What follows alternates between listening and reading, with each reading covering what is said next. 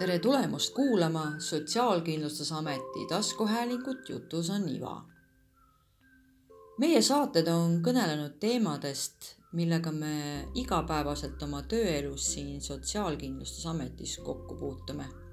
ning pean julgelt tunnistama, et valdkondi, mis tahavad avamist, on veel väga palju. kuid seekord läheme piltlikult öeldes oma majast väljapoole. ikka selleks, et kaasa mõelda ja sildu luua.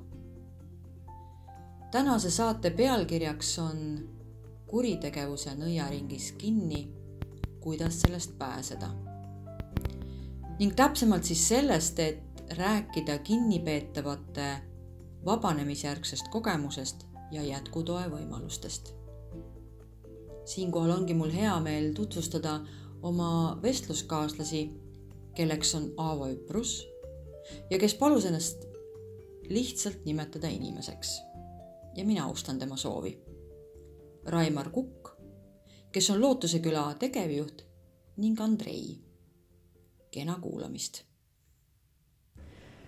Avo, ma alustaksin teist äh, ja küsiksin sellise küsimuse, et äh, mida see kuritegevuse nõiaring üldse tähendab? no kindlasti ei ole minu termin, aga, aga pigem ma räägiks kuritegelikust karjäärist või millestki taolisest, aga, aga, aga inimesed jäävad sageli lõksu oma varasemate tegude, oma varasema käitumise, ka oma sotsiaalse staatuse, hariduse lõksu ja nad ei oskagi sellest väljaspool mõelda, ehk siis nii-öelda teispool seda barjääri, mille nad enda ümber on ehitanud või mille ehitavad teised. Ja kogu see teema, millest me täna arutame, ükskõik kas selle nime või muu nime all seondub kahe vastastikuse või vastupidise mõistega. üks on äh, väljaarvamine ja teine on kaasamine. ja väljaarvamisega kaasneb sildistamine ja marginaliseerimine, kaasamisega kaasnevad nagu uued võimalused, uued vaatenurgad. ja nii nagu me Andreiga rääkisime ka siin ukse taga aega parajaks tehes, et kõige tähtsam on see, et inimene ei jääks üksi, et ta on kaasatud teiste tavaliste inimeste hulka kes võtavad teda ka esmalt inimesena, mitte mingisuguse sildi järgi, ei võta teda nagu rolli järgi, ameti järgi. et kõik me oleme esmalt inimesed ja ka kõik kohtlemisprogrammid ja kõik tegevused peaksid sellest tõdemusest algama. esiteks pidada teisi enda ümber samasugusteks inimesteks, nagu ise ollakse või tahetakse olla. ja teiseks kaasata need inimesed ühistesse tegevustesse, ühisellu ja siis on hea Raimar, kas sina oled ka tunnetanud, et oma elus äh, oled sa kandnud või pidanud kandma mingit silti? no ma usun küll, et äh, väga hästi meenub see, mismoodi ma ise olen olnud ka kuri, kurjategija ja muidugi narkomaan ja, ja alkohoolik ja kõik need asjad, nii et äh, tegelikult igal hommikul, kui ma üles ärkasin ja.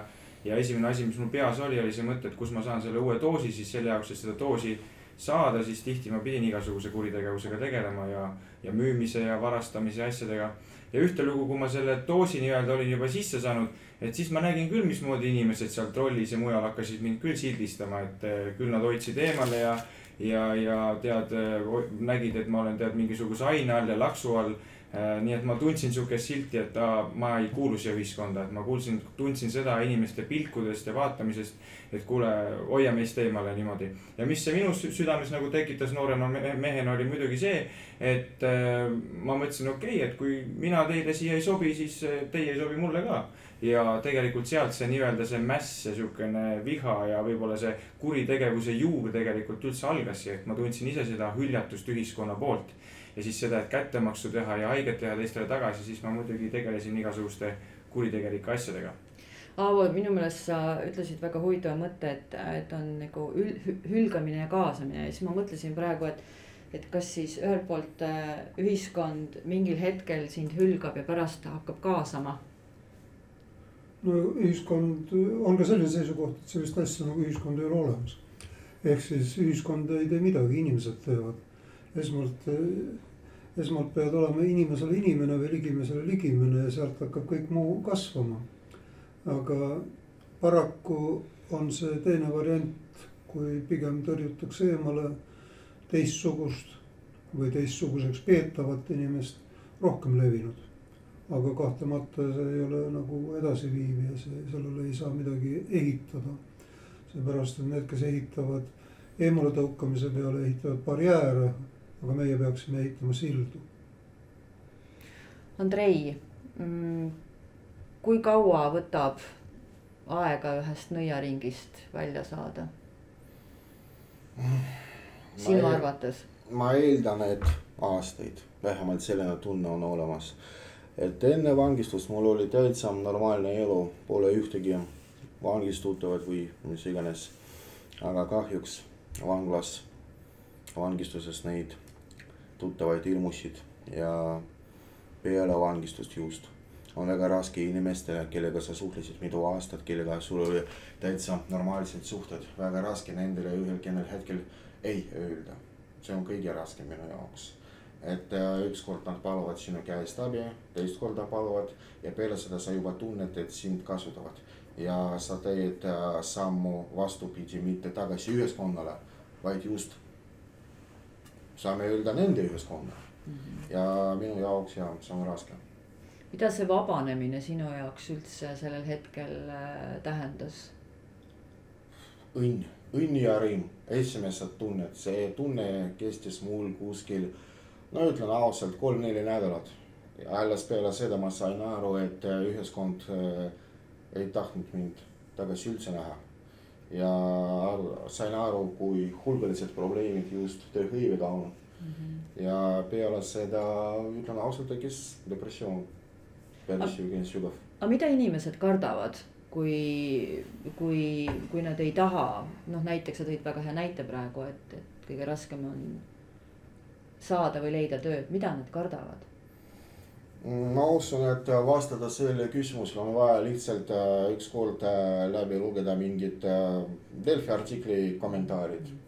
ja seda piisab, seda piisab tavaliselt, kui meil on äh, jutt äh, vangistuse kohta, siis äh, päeva jooksul äh, lisab juurde kolmsada kommentaari ja kaks-kolm prossa ainult nendest on sellised, mis võib-olla toetaksid neid, seda inimest, kes just vabanes. ülejäänud kasutavad sihukest terminit nagu põlema panna ja nii edasi.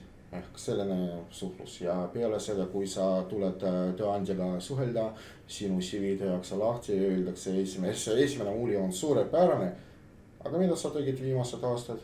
Ja kui nad kuulevad seda vastust, siis kohe sa tunned, et sa tulid täitsa vale kohta. No, see, see on muidugi väga õige, et see on pikk, pikk protsess. et va, sa ei olegi kohe vaba sellel hetkel, kui sa vanglaväravast välja astud. kuigi sa võid seda sel hetkel tõesti uskuda selles õnnes ja selles eufooria tundes. aga lohutada võib kõike, et see läheb mööda sest sinu esimene eufooria ja vabaduse tajumine, millega sa ei oska veel midagi teha, on lühiajaline. sest kohe tulevad barjäärid ette, alates sellest, kui sa lähed bussi, et antud, nüüd sa peaks kasutama maski. siis kas sa pead valideerima või ei tea, pea, kas sa tead, mis tähendab valideerimine. kas sul on see asi, millega valideeritakse ja nii edasi, nii edasi ja siin juba igal sammul konflikt, konflikt sisse programmeeritud nende vahel, kes tunnevad sotsiaalseid norme, etiketti ja tavasid ja nende vahel, kelle tavad, etikett ja normid on olnud teistsugused ja kes neid teisi ei tunne. ehk siis siin on õppimisperiood peaks algama. õppimise järel peab tulema veel kohanemisperiood siis tulevad šokifaasid ja kriisifaasid ja tagasilangused. ja siis peab olema inimene inimesel kõrval, sest eh, inimene ei ole kunagi probleem, probleem on tõrjutus probleem on üksi jäämine. kas see tähendab seda, et need inimesed siis, kellel ei ole olnud see noh, sellist elukogemust ja, ja sellist kogemust üldse nad. kas nad siis ei usu inimese võimesse tulla tagasi ühiskonda, muutuda, ma ei tea, kuidas seda sõna nagu kasutada, et. et samas me loeme nii palju neid lugusid, eriti tänapäeval, kus inimene tegi kannapöörded ja muutis oma elu ja siis on meil reaalne, reaalne näide, no näiteks midagi siin Andrei tegelikult väga valusalt ju mainis, et, et mind ei taheta puhtalt sellepärast, et mul on see küsimus nagu, mida sa tegid need kaks aastat või kolm aastat.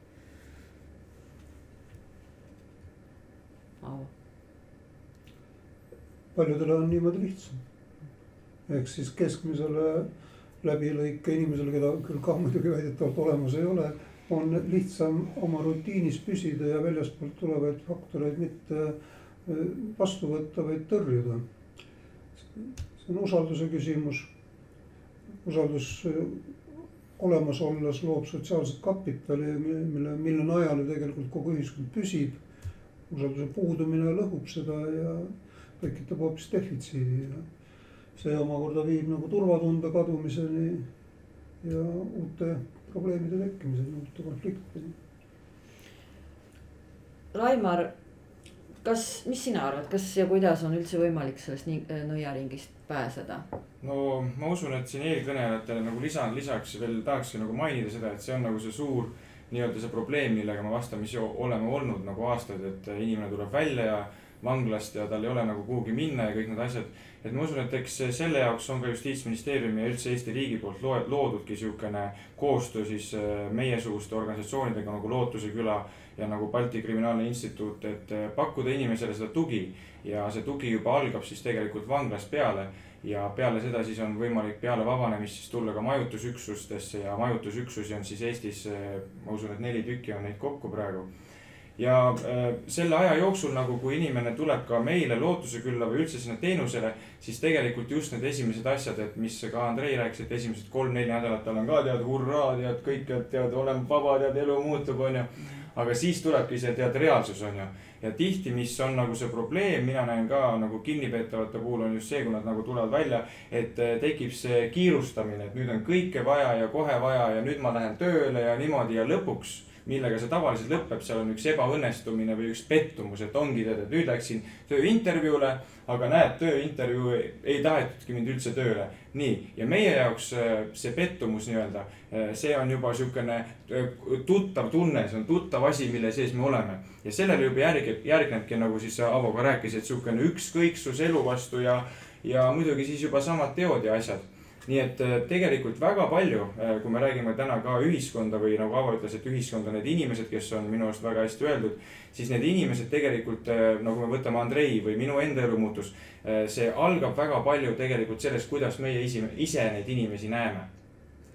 kuidas meie ise neid sildistame meie see keskus Lootuse külas, me tegeleme väga palju sellega, kuidas inimene iseennast näeb sellepärast, et kui ta näeb, et oh, ma olengi tead kriminaal ja ma olengi pätt, onju. siis ta käitubki niimoodi, noh üllatus, üllatus onju. ja kui teised tema kõrval näevad, et kuule, ta on ka, ta ongi kriminaal niimoodi onju, siis mida sa nagu eeldad. et me võime alati inimeses näha noh, seda nagu nii-öelda tema, tema tegusid ja tema minevikku ja asju. aga minu elu väga radikaalselt muutus see, muutis see, kui keegi hakkas minu elus nägema, et ma olen hoopis teistsugune inimene ma ei olegi, minu minapilt muutus minul ise, ta ütles, et ma ei ole kriminaal, ma ei ole narkomaan ma olen Raimond, mul on hea tulevik, mul on hea elu ees, et äh, ma ei lange kunagi tagasi sõltuvusse ja nii edasi. et meie iga inimese tegelikult elu vastutus või, või, või kohustus või kuidagi, mida meie saame omalt poolt teha nagu inimestena, on see, näha teises inimeses hoopis teist inimest. ja seeläbi, kui tema enda minapilt muutub, siis muutub see, kuidas tema näeb, kuidas tema käitub, seeläbi muutub see, kuidas teised temasse suhtuvad kõik hakkab sellest asjast pihta, meist endist. ma mõtlen, et see on äh, väga ilus algus, Aavo, kui sa ütlesid, et, et ennekõike me oleme inimesed, tõepoolest, et miks me paneme neid erinevaid äh, silte kasvõi oma ametinimetustega. et, äh, et Andrei, mis, mis see sinu nii-öelda see tugi oli, kui sa noh, kõigepealt olid selles õnnes ja eufoorias, et nüüd ongi vabadus ja siis tekkis nii-öelda see langus, kust sa selle to to toe said? no esimene abi küll osutasid sugulased, aga, aga ma ütlen ausalt, et enamus vangid, kellel oli sihukene päris pikk vangikarjäär, kes on hetkel ütleme niiviisi nelikümmend, nelikümmend viis aastat vana ja nendest oma elust umbes kakskümmend aastat nad olid vangistuses. Nendel tavaliselt sugulasi ei ole ja vot seda esimest sammu, mida ma, mida ma edukalt tegin just sugulaste abil, nendel tavaliselt ei ole. ja peale seda äh,, nagu ma juba enne ütlesin, et äh, kuna kogu aeg paluvad abi ja ma sain aru, et ma liigun just vales suunas, ma just tol ajal valisin endale sihukese tugiisiku tee, et minu jaoks see oli kompromiss. Et see selles mõttes tugiisikuna ma saan ametlikult aidata nendele ja ongi kõik. kas ma saan õigesti aru, et sa täna oled ise tugiisik? no varsti loodan, et saan seda tunnistust mm.. natukene on jäänud viimased kaks sammu vist, just täna arutlesime wow.. Raimar, mul on selline küsimus. Äh, sa ühtlasi esindad ka Lootuse küla. jah ja, ja tahaks äh, tegelikult ka väga rääkida sellest, mida te seal pakute, aga, aga ma küsin öö, Lootuse küla ja, ja mitmete teiste keskuste kohta, et nad on kristliku taustaga, et äh, küsiks nii, miks see nii on ja, ja mida see tähendab mm? -hmm.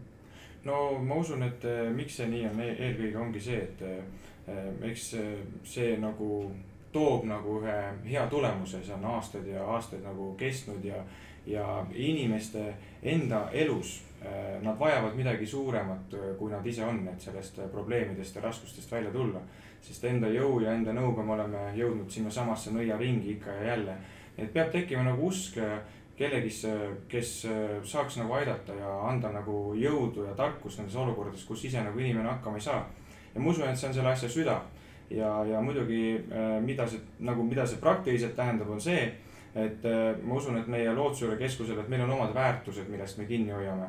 seal on ausus, äh, perekond, teiste inimeste aitamine, igasugune turvalisus ja kõik asjad ja need on väga vajalikud keskusele. Need nagu kaitsevad seda keskust ja tihti, kui nagu inimene tuleb meie juurde ja kui ta ütleb, et oi, sina tead liiga palju jumalat või midagi asja, siis tegelikult, mis on, ta lihtsalt põrkab vastu nendele väärtustele ehk eh, kui meil on ausus on ju, siis ta tead hakkabki tead valetama või midagi. või ta ei taha nagu noh, nii-öelda tegelikult uues elus olla või ähvardab kedagi tead verbaalselt või midagi. ja see on tegelikult see koht, eh, kus ta enam ei saa nii-öelda nagu mängida. aga see töötab nii positiivselt kui ka negatiivselt nagu ühtemoodi. et meie juurde, kui inimesed tulevad, me räägime enda väärtustest, asjadest siis inimesed muidugi võib-olla näevad alguses, et kuule, et noh, mul on sinna veel pikk tee minna, aga vot sellist elu ma tahan, sellist elu ma tahan nagu elada. nii et praktiliselt tegelikult äh, ongi need tegelikult, äh, need on meie väärtused, mis on, äh, mis on Lootuse külas ja ma usun, et teistes kristlikus rehabilitatsioonikeskustes samamoodi ja me muidugi väga palju Lootuse külas üldse, me tegeleme või oleme väga palju, kõneleme ja tihti on need siuksed motivatsioonikõned, mida me räägime inimestest, kes on ise tulnud välja tead konkreetsest nii-öelda põrgust, tead kakskümmend aastat tead süstinud ilma veenideta, tead ratastoolid, värgid pool aastat. Magasid ainult üks tund öösel ja siuksed väga äärmuslikud lood nii-öelda. aga kõige selle sees me motiveerime inimesi ja piibel on äh, väga tark raamat ja, ja seal on väga palju äh, elu põhimõtteid, mis nagu tõesti töötavad selles elus. ja see on, mida me tegelikult ammutame, see on, mida me juurutame ja nende aastate jooksul ma olen kogenud nagu väga-väga üksikuid inimesi kes on tulnud ja vot kellele need asjad või need äh, lood ja asjad tõesti nagu ei meeldiks, et enamjaolt meie juurde tulevad ikkagi inimesed, kes on väsinud tegelikult sellest kriminaalsest elust, nad on väsinud sellest vanglast nende sees on enamjaolt on niisugune motivatsioon nagu muutusele. ja kui nad kuulevad neid, tead neid põhiväärtusi, kuidas elu tegelikult käib ja milline on see moraal ja, ja kuidas nendest raskustest üle tulla, siis nad vastupidiselt, nad saavad julgustatud ja üles tõstetud. nii et nende aastate jooksul ma olen kohanud väga üksikuid inimesi kes on öelnud, et oi, mulle need õppetunnid üldse ei meeldi või midagi, aga, aga see on samamoodi nagu sulle pannakse ette üks taldrikutäis süüa sul on seal igasuguseid erinevaid asju, sa valid, mida sa tahad sealt süüa. ja täpselt samamoodi on ka äh, kirikus käimisega, sa saad kuulata, sa saad valida, mis sulle meeldib, mis sulle korda läheb, selle sa võtad enda vastu. ja keegi nagu midagi vägisi või sunniviisiliselt, me ei vii inimest kuskile jõe äärde. tead, paneme tead vägisi tead maha ja tead, ütleme tead nüüd hakka tead palvetama või midagi. see on inimese enda vaba otsus ja vaba valik ja samamoodi on ka need kristlikud rehabilitatsioonikeskused. meie räägime enda kogemusi, räägime neid põhiväärtusi äh,, räägime neid põhimõtteid, mis elus töötavad. ja eks inimesed ise saavad vabatahtlikult vastu võtta, mida nad soovivad rakendada ja mida mitte.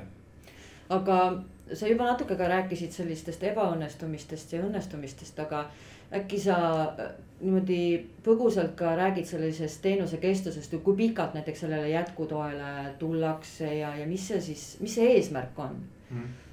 No ma usun, et meie, meie eesmärk muidugi on see, et inimene saaks äh, oma elu korda. ja et ta mitte lihtsalt korda, aga et ta saaks endale ühe eduka elu.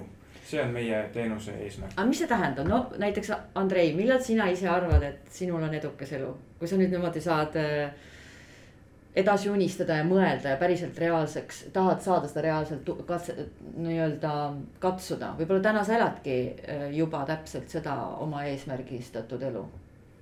Ma ausalt saan öelda, et ma arvan, et mul on täitsa õnnelik elu nüüd.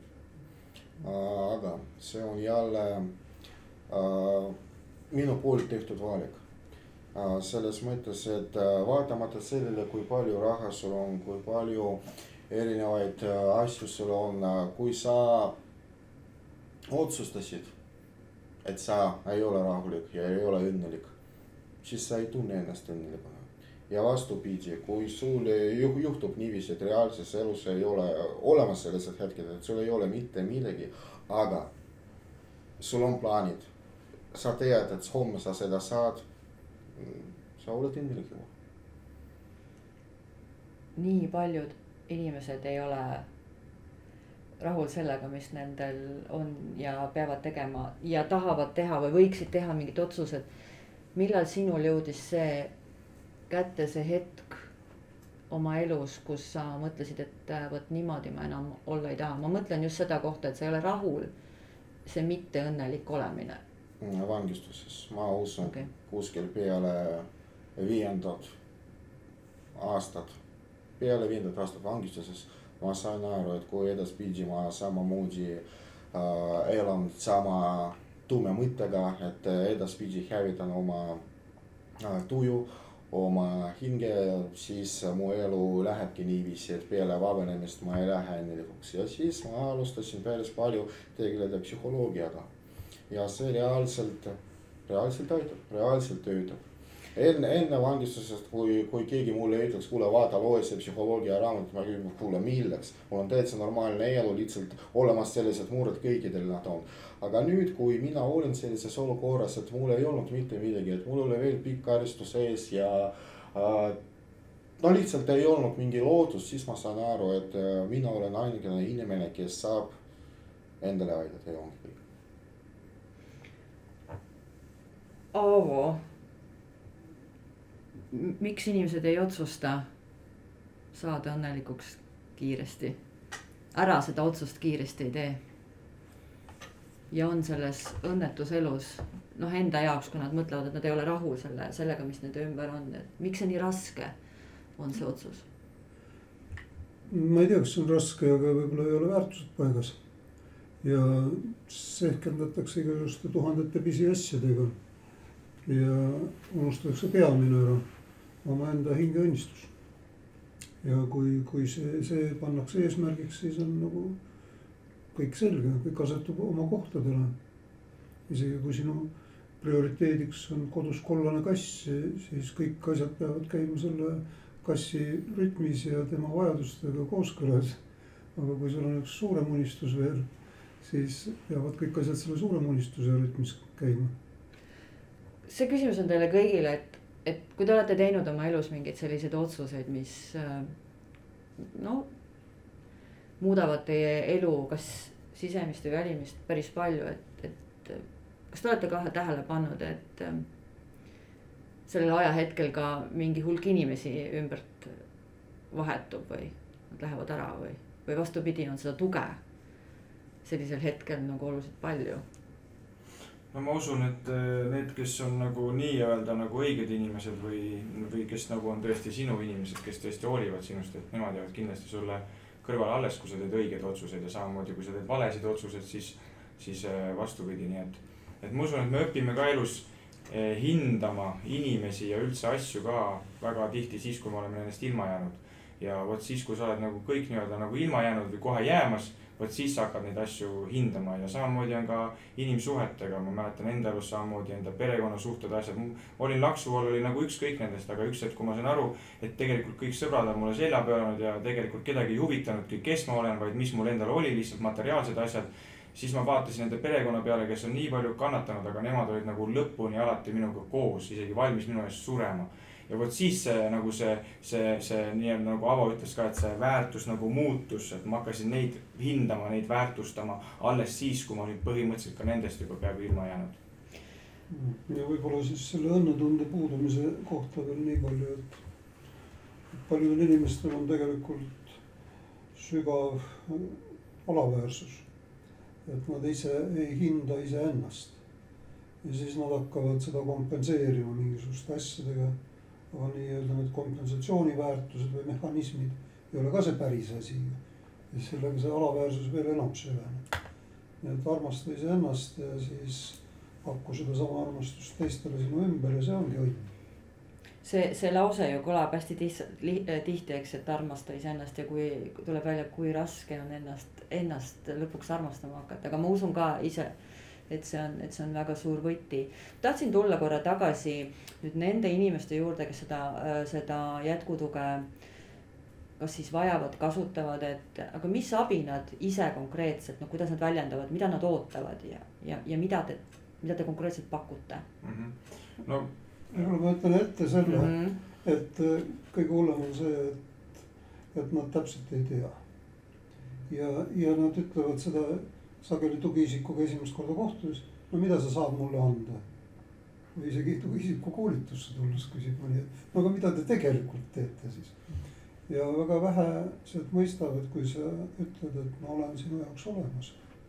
et ma olen su kõrval lihtsalt, ega ma ei anna sulle midagi, aga ma olen sa võid iga kell pöörduda ja helistada ja tulla. et nad ise seavad sageli ka ebareaalseid eesmärke ehk liiga lühikese ajaga liiga palju saada mm.. aga see inimese isiklik kasvamise ja muutumise protsess ei ole niimoodi võluri kombel välja võlutav. vaid see on pikk ja vahel valus ja vabarikas, aga kahtlemata viib eesmärgile, kui alla ei anna. ja et see see, mis meie nagu noh, Lootsiküla või üldse nagu, mis meie selle majutusüksusena, üksusena siis soovime inimesele anda. Ma usun, et kaks sihukest suurt äh, plokki on ka turvaline keskkond ja distsipliin.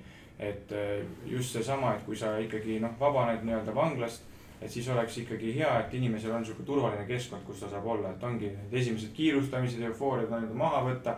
Ja siis edasi juba tegelikult see teenuse sisu, äh, et me tahame tegeleda inimest, inimese kõikide tähtsate eluvaldkondadega, füüsilise vaimu, füüsilise, vaimse, hingelise, sotsiaalse ja ka finantsilise valdkonnaga. Nii et äh, meil on niisugune teenus äh, kuus pluss kuus kuud kokku aasta aega, kui inimene vabaneb vanglast ja ta saab meie juures olla. ja selle aja jooksul siis me tegeleme inimesega vot just nendes äh, valdkondades. Ja, ja muidugi, kes inimene väga no ise tahab ennast muuta ja teeb, siis ta saab sealt väga palju ja, ja palju häid tulemusi on juba olnud aga see jätkutugi tegelikult noh, tööle hakkab juba en, eelnevalt, et kuus kuud juba enne vabanemist on juba tugiisikud juba vanglas avaüpruse meeskonnaga, meeskonnaga, kes siis juba suunavad teda ja, ja toetavad teda nendele muutustele, nii et meie nagu keskuse niisugune põhieesmärk ongi inimesele tagada niisugune turvaline keskkond ja samas distsipliin ka, et ta saaks hakata vaikselt-vaikselt nagu äh, muutma enda harjumusi ja kõiki asju, et, et elada ühte korralikku head elu Andrei, mida sina vajasid, kui sa tulid jätkutoele? mis oli esimene asi, ma ei tea, sul, sinuga tehti see vestlus samamoodi, eks ju, küsiti, et, et mida sa soovid või sa küsisid, et mida te pakute, aga mis see siis oli? mul oli vaja hõive, reaalselt, et, et oli vaja mingi tegu ja kui ma pöördusin Aavo poole, siis ta seda reaalselt aitas selles mõttes, et ta, ta pakkus mulle mõnusa sihukese töö, mis mulle meeldis. leiva küpsetamine ja siiamaani tegelen sellega. vot ja peale seda, peale seda kogu aeg Aavo pakkus väikesed sihukesed äh, tööd seoses äh, tõlgitööd näiteks et äh, lihtsalt reaalselt äh, vot see just periood, mil, mis oli täitsa äh, jälle tume minu jaoks, vot see depressioon, et just tänu BKI-le see depressioon vaikselt-vaikselt kadus ära, ilmus mingi tegevus, ilmusid jälle mingid plaanid. raske periood oli, aga paralleelselt, paralleelselt ja alustasin uuesti elu tundma nii, ühesõnaga sa ei ole mitte tulevane tugiisik, ma saan aru, Andrei, vaid sa oled ka lisaks äh,, oskad leiba küpsetada ja ma saan aru, et siin tuleb veel see nimekiri päris pikk, mida sa kõike oskad teha. aga tuleme selle tugiisiku juurde tagasi, et sul on ilmselt varsti kätte, saad selle paberi, dokumendi, tunnistuse mm,. mida sa tugiisikuna tahad anda? No esialgselt, esialgselt Äh, ma loodan, ma loodan, et just see töötugi isikuna äh, võidab, võimaldab mul natukene osaleda ka läbirääkimistes justiitsministeeriumiga. et see protsess, eelvabanemise protsess just teha natukene efektiivsem. Äh, ma toon hea näide, et vangistuses ma viibisin natukene üle kuus aastat ja selle aasta jooksul mul oli alla kui kakskümmend tundi programme. võrreldes sellega, kaua ma istusin, kakskümmend tundi programme on jube vähe. ja usun, usun, et täiesti reaalselt teha niiviisi, et kinnipeetavatel näiteks ilmusid juurdepääs arvutile, ma ei räägi internetist internet on kahjuks äh, isegi minu meeles äh, võimatu teha. aga samuti ma ei räägi sellest, et nagu nendel hetkel on juurdepääs Riigiteataja veebilehele või õiguskantsleri veebilehele, tavaliselt see ei ole eriti vaja. vot just, just sihukesed veebilehed nagu BKI oma, et kus kohas inimesed saavad endale info mismoodi üle elada neid esimesed nädalad, mismoodi teha vabaduses, mismoodi teha need esimesed sammud uh,. tavaliselt vangistusest näiteks toob kaasa ka päris palju võlgnevusi ja mismoodi õigesti vormistada kõik need taotlused kohtutäiturile, läbirääkimisi pidada ja nii edasi, et äh, vähemalt see äh, võlakoormus ei oleks nii suur. et oleks võimalik äh, kähkutööd leida näiteks või no mis iganes, et mingi ametlik sissetulek. ütlen ausalt, kui inimene tuleb välja, siis tavaliselt ta ei tea mitte midagi ja ei tee mitte midagi ka. et võlgnevused on ah,, nagunii hetkel oli neid päris palju artikleid jälle mingi Postimehele või Delfis, et varsti kõik võlad põlevad ära umbes nii mõte oli. Ja nüüd keegi ei taha isegi neid graafikut koostada, kuule, aga milleks, paar aastat ja ongi kõik. ei ole see nii, ei ole see nii ja kahjuks inimesed seda ei tea, et.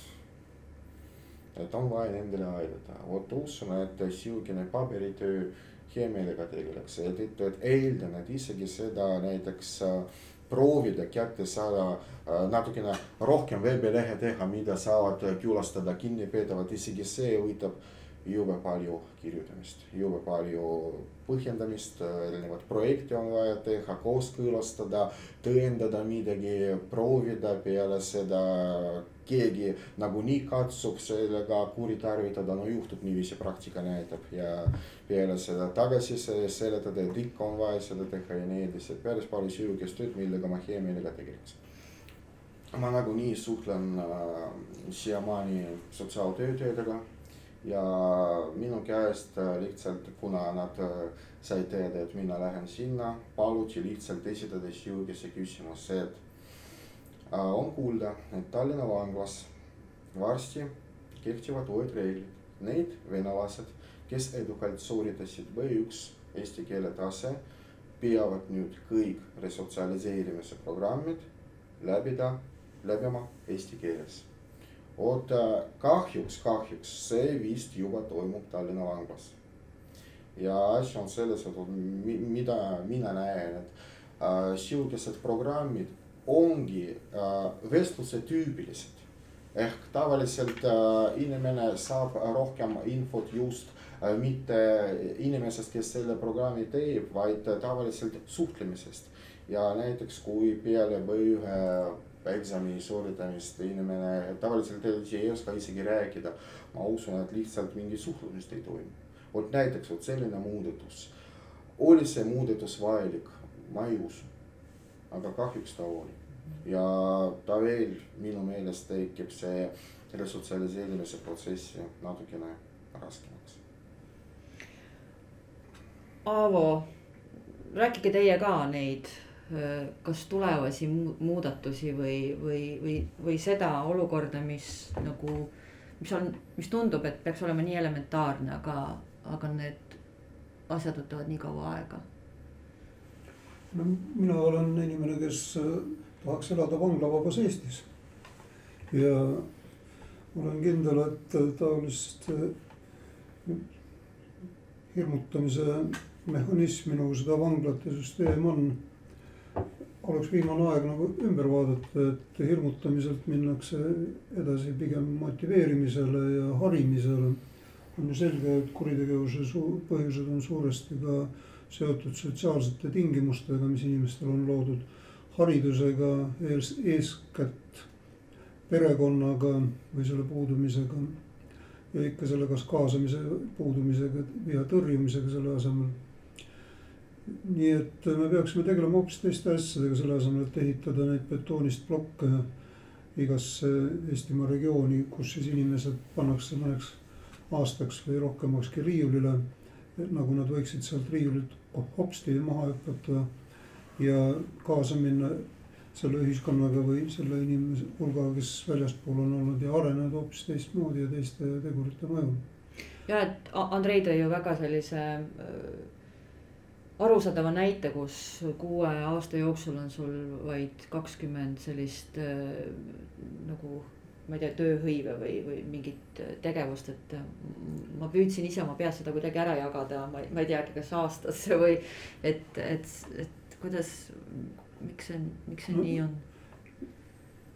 erinevaid kontseptsioone, erinevaid maailmanägemisi on olemas ja mõnede inimeste jaoks ongi ainult see skeem, et kui keegi on rikkunud, siis tuleb teda karistada ja hukka mõista.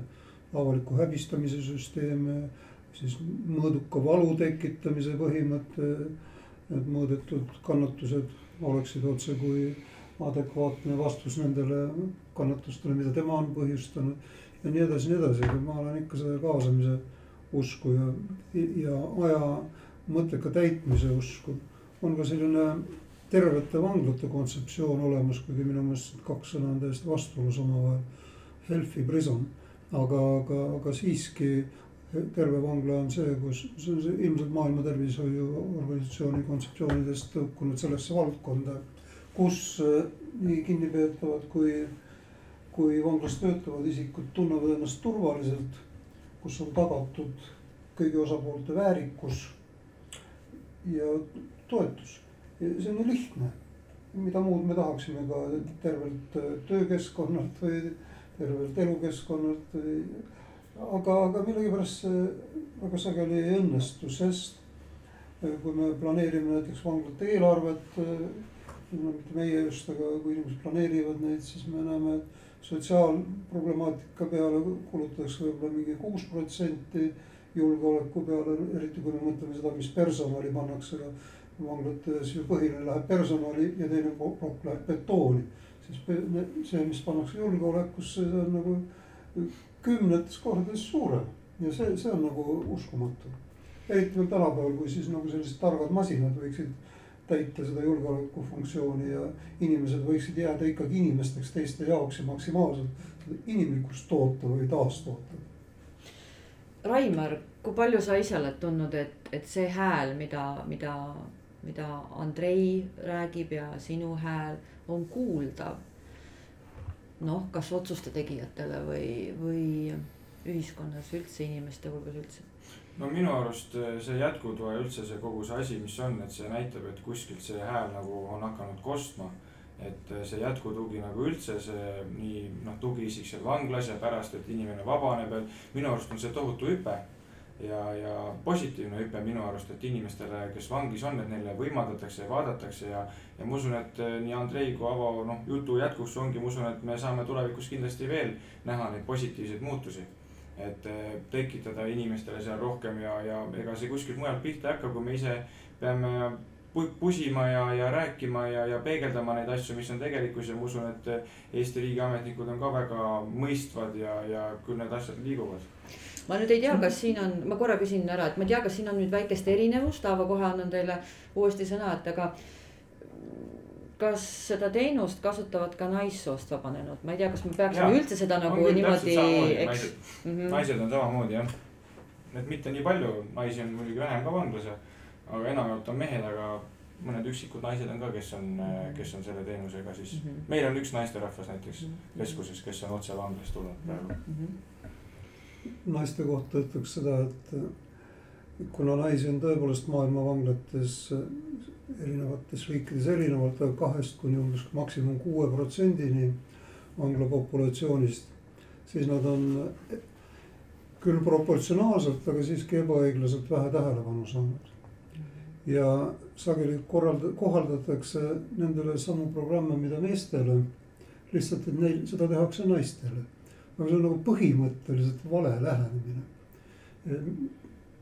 naiskinnipeetav ei ole lihtsalt kurjategija. naiskinnipeetav on naine ja inimene ja sealt peaks lähtuma ja naistel on ka teistsugused vajadused mõneti. ja, ja teistsugused asjad, mis neile mõjuvad kui meestele, no kasvõi nagu peresuhted on naistele absoluutselt kordades olulisemad, meeldib see meile meestele või mitte. ja rääkimata füsioloogilistest vajadustest ja see tähendab, et nendel peaks olema omad programmid ja mitte selles mõttes nagu sotsiaalprogrammid sageli on, et manuaal on ees ja käiakse samm-sammult asjad läbi. vaid kõik on üles ehitatud soojale atmosfäärile ja sellele samale kaasamisele, igaühe väljendusvõimaluse andmisele ja enese otsimisele, võib-olla ka loomingulisusele rohkem, kui seda meeste puhul oleks vaja ja nii edasi, nii edasi. sest kui ta tunneb, eks ju, et ta on rohkem ise kaasatud, siis tal on ka palju suurem huvi jah, ju olla seal. sotsiaalseid ja sootundlikke programme on nagu praktiliselt ei ole, minu tütar on teinud mõnes vanglas Eva, Eva Öprus on töötanud naistega. minu meelest on ta saanud küll väga häid tulemusi, aga need on marginaalsed nähtused. meil pole selleks äh, ei aja, raha ega inimressurssi piisavalt, et seda teha. kuigi riigi vaatepunktist nüüd vaadates on see aeg ja raha ja inimesed nii väike osa kogu sellest suurest vanglate ülalpidamise rahast, et selle võiks ju kindlasti millegi arvelt sinna sisse tuua. Andrei tõi siin näite, et noh, temal oli kõige üks olulisemaid teemasid, et oli kohe tööd saada, et olla kuidagi hõivatud. Ma siis küsin niimoodi, et kas sel jätkutoel saab töötada ja kas selle eest näiteks saab ka töötasu, see on selline hästi konkreetne küsimus, et kuna see on paljudel inimestel ilmselt võib-olla südamel. Mm Need keskused on selles mõttes on ka erinevad, et äh, meil Lootuse külas me oleme suht statsionaarne, et kui inimene tuleb nagu meile, siis ta noh, ta ei käi sealt kuskilt väljas, et ta on seal sees mm. -hmm. ja see, mis Andrei ütles, et see just äh, hõivatus, et ma usun, et meil sellega nagu probleemi ei ole, et meil on seal päris palju äh, tegemist ja täna ka, et Oleg, eluaegne vang, kes meile tuli eluaegne vanglakaristuse saanud inimene, mitte eluaegne vang, kes tuli meie juurde, siis eh, temaga samamoodi, täna ta on Lootuse külas ja päevast üks, ta on nende asjadega seal kaasas. nii et ta seal eh, puhastab eh, mee kärjeraame ja, ja haldab igasuguseid haldustöid ja asju teeb. nii et see on vaja, see tegevus on vaja, et oled sa seal saekaotuses või kus iganes.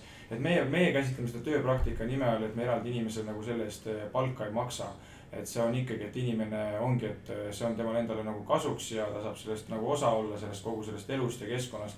aga teistes keskustes, ma tean seal Haapsalus ja nemad käivad sealt kohapealt, eh, käivad ka tööle, tööle käivad, nii et eh, selles mõttes ongi meil need keskused on ka nagu erineva lähenemisega, mis annab ka inimesele valikuvõimalused vastavalt sellele, mis talle sobib, et ta saab sinna minna. jah, meie keskused on ka Jõhvis ja Tartus. Jõhvis ja Tartus ka jah. ja, ja seal on ka võimalik väljaspool tööd käia, aga muidugi me ei soosi seda, et kohe esimesest päevast tööle minnakse ja kaotakse ära ja programmid ja koos õppimises ja koosloomes tehtav jääb lihtsalt vahele ja siis on see tagasikukkumine väga kiire ja kerge.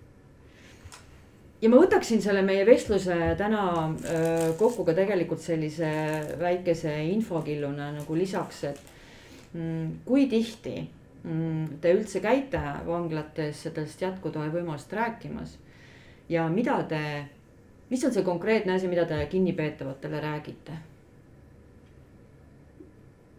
kuidas te tegite seda, tekitate seda huvi, kas nad on huvitatud? praegu kriisi ajal on muidugi olnud keeruline vanglatesse sisse pääseda ja ka tugiisikud kohtuvad äh, läbi klaasi ja telefoni teel inimestega, mis ei ole mitte kõige parem usalduse ja koostöö tekitamise formaat. ja siis lihtsalt tutvustamas gruppidele käisime me nagu enne kriisi kui ma õigesti mäletan, siis enam-vähem kvartaalselt ja, igas vanglas. iga, igas vanglas ühe korra kvartalis jah. Aga praeguseks ajaks on see jäänud küll väga nõrgaks ja noh, kinnipeetavad muidugi teavad, et nad saavad helistada nii majutuskeskustesse kui tugiisikuid koordineerivatesse organisatsioonidesse. aga see päris ei asenda ja tegelikult ega kõik ei tea ka. Nad ei tea, et neil on see õigus ja nad ei tea numbreid ja me oleme küll levitanud oma lendlehti vanglates ja justiitsministeerium projektijuht äh, Stanislav Solodov on neid juurde trükkinud hulgaliselt. aga ikka juhtub nii, et, äh, et inimesed ei tea. ja mida me räägime, me näitame seda keskkonda, kui me räägime sellest majutusüksusest, meil on videomaterjal ja brošüürid ja asjad ja, ja muidugi ma usun, mis on selle selle asja süda on ka rääkida neid muutuse edulugusid, et inimestele tõesti, kes isegi võib-olla esimest korda kuuleb seda, et võib-olla ta ei ole seda motivatsiooni või huvi, aga aga tekitada siis inimestes ja. ja minu arust on tagasiside väga positiivne olnud, et peale igasugu neid loenguid alati on inimesed, kes on huvitatud ja pärast võtavad meiega ühendust ja. ja, ja muidugi, eks seal vanglas on igasuguseid müüte ka nende meie teenuste asjade vastu, et siis me eh, korduma kippuvate küsimuste najal nii-öelda kummutame neid müüte ja võtame neid hirme maha, et tõesti inimestele pakkuda seda parimat abi, mis me saame anda neile. ja kuskohast leiab jätkutoe kohta informatsiooni? No justiitsministeeriumi kriminaalpoliitika osakond on teinud väga toreda kodulehekülje sellel teemal, kus on kõik materjalid, nii teenuse kirjeldus kui, kui aadressid kui telefonid. kõik, kõik keskused ja kõik üksused ja kõik ja. on seal olemas, nii et seal on muidugi meil on endil ka ju kõikidel nendel organisatsioonidel vist omad kodulehed ja Facebookid. Aga ma usun, et see kriminaalpoliitika.ee vist on see ja. õige koht, kus saab kogu info selle jätkutoe kohta. ja see on ka seal nii eesti, vene kui inglise keeles? ma usun küll. täies mahus ei ole kõigis keeltes, aga, aga osaliselt ikka. aga aitäh teile meie Sotsiaalkindlustusameti taskuhäälingus Jutus on iva on õige pea jälle uus vestlus. kuulake meid, võtke meiega ühendust, pakkuge ka ise teemasid ja meie leiame inimesed, kes hea meelega teemasid avavad ja oma kogemusi jagavad. minu vestluskaaslasteks olid täna Aavo Üprus, Raimar Kukk ja Andrei. Te kuulasite Sotsiaalkindlustusameti taskuhäälingut mina olen Sirle Blumberg ja selle saate salvestas ja lõikas kenasti kokku Katre Kirst kommunikatsioonitiimist. Kuulmiseni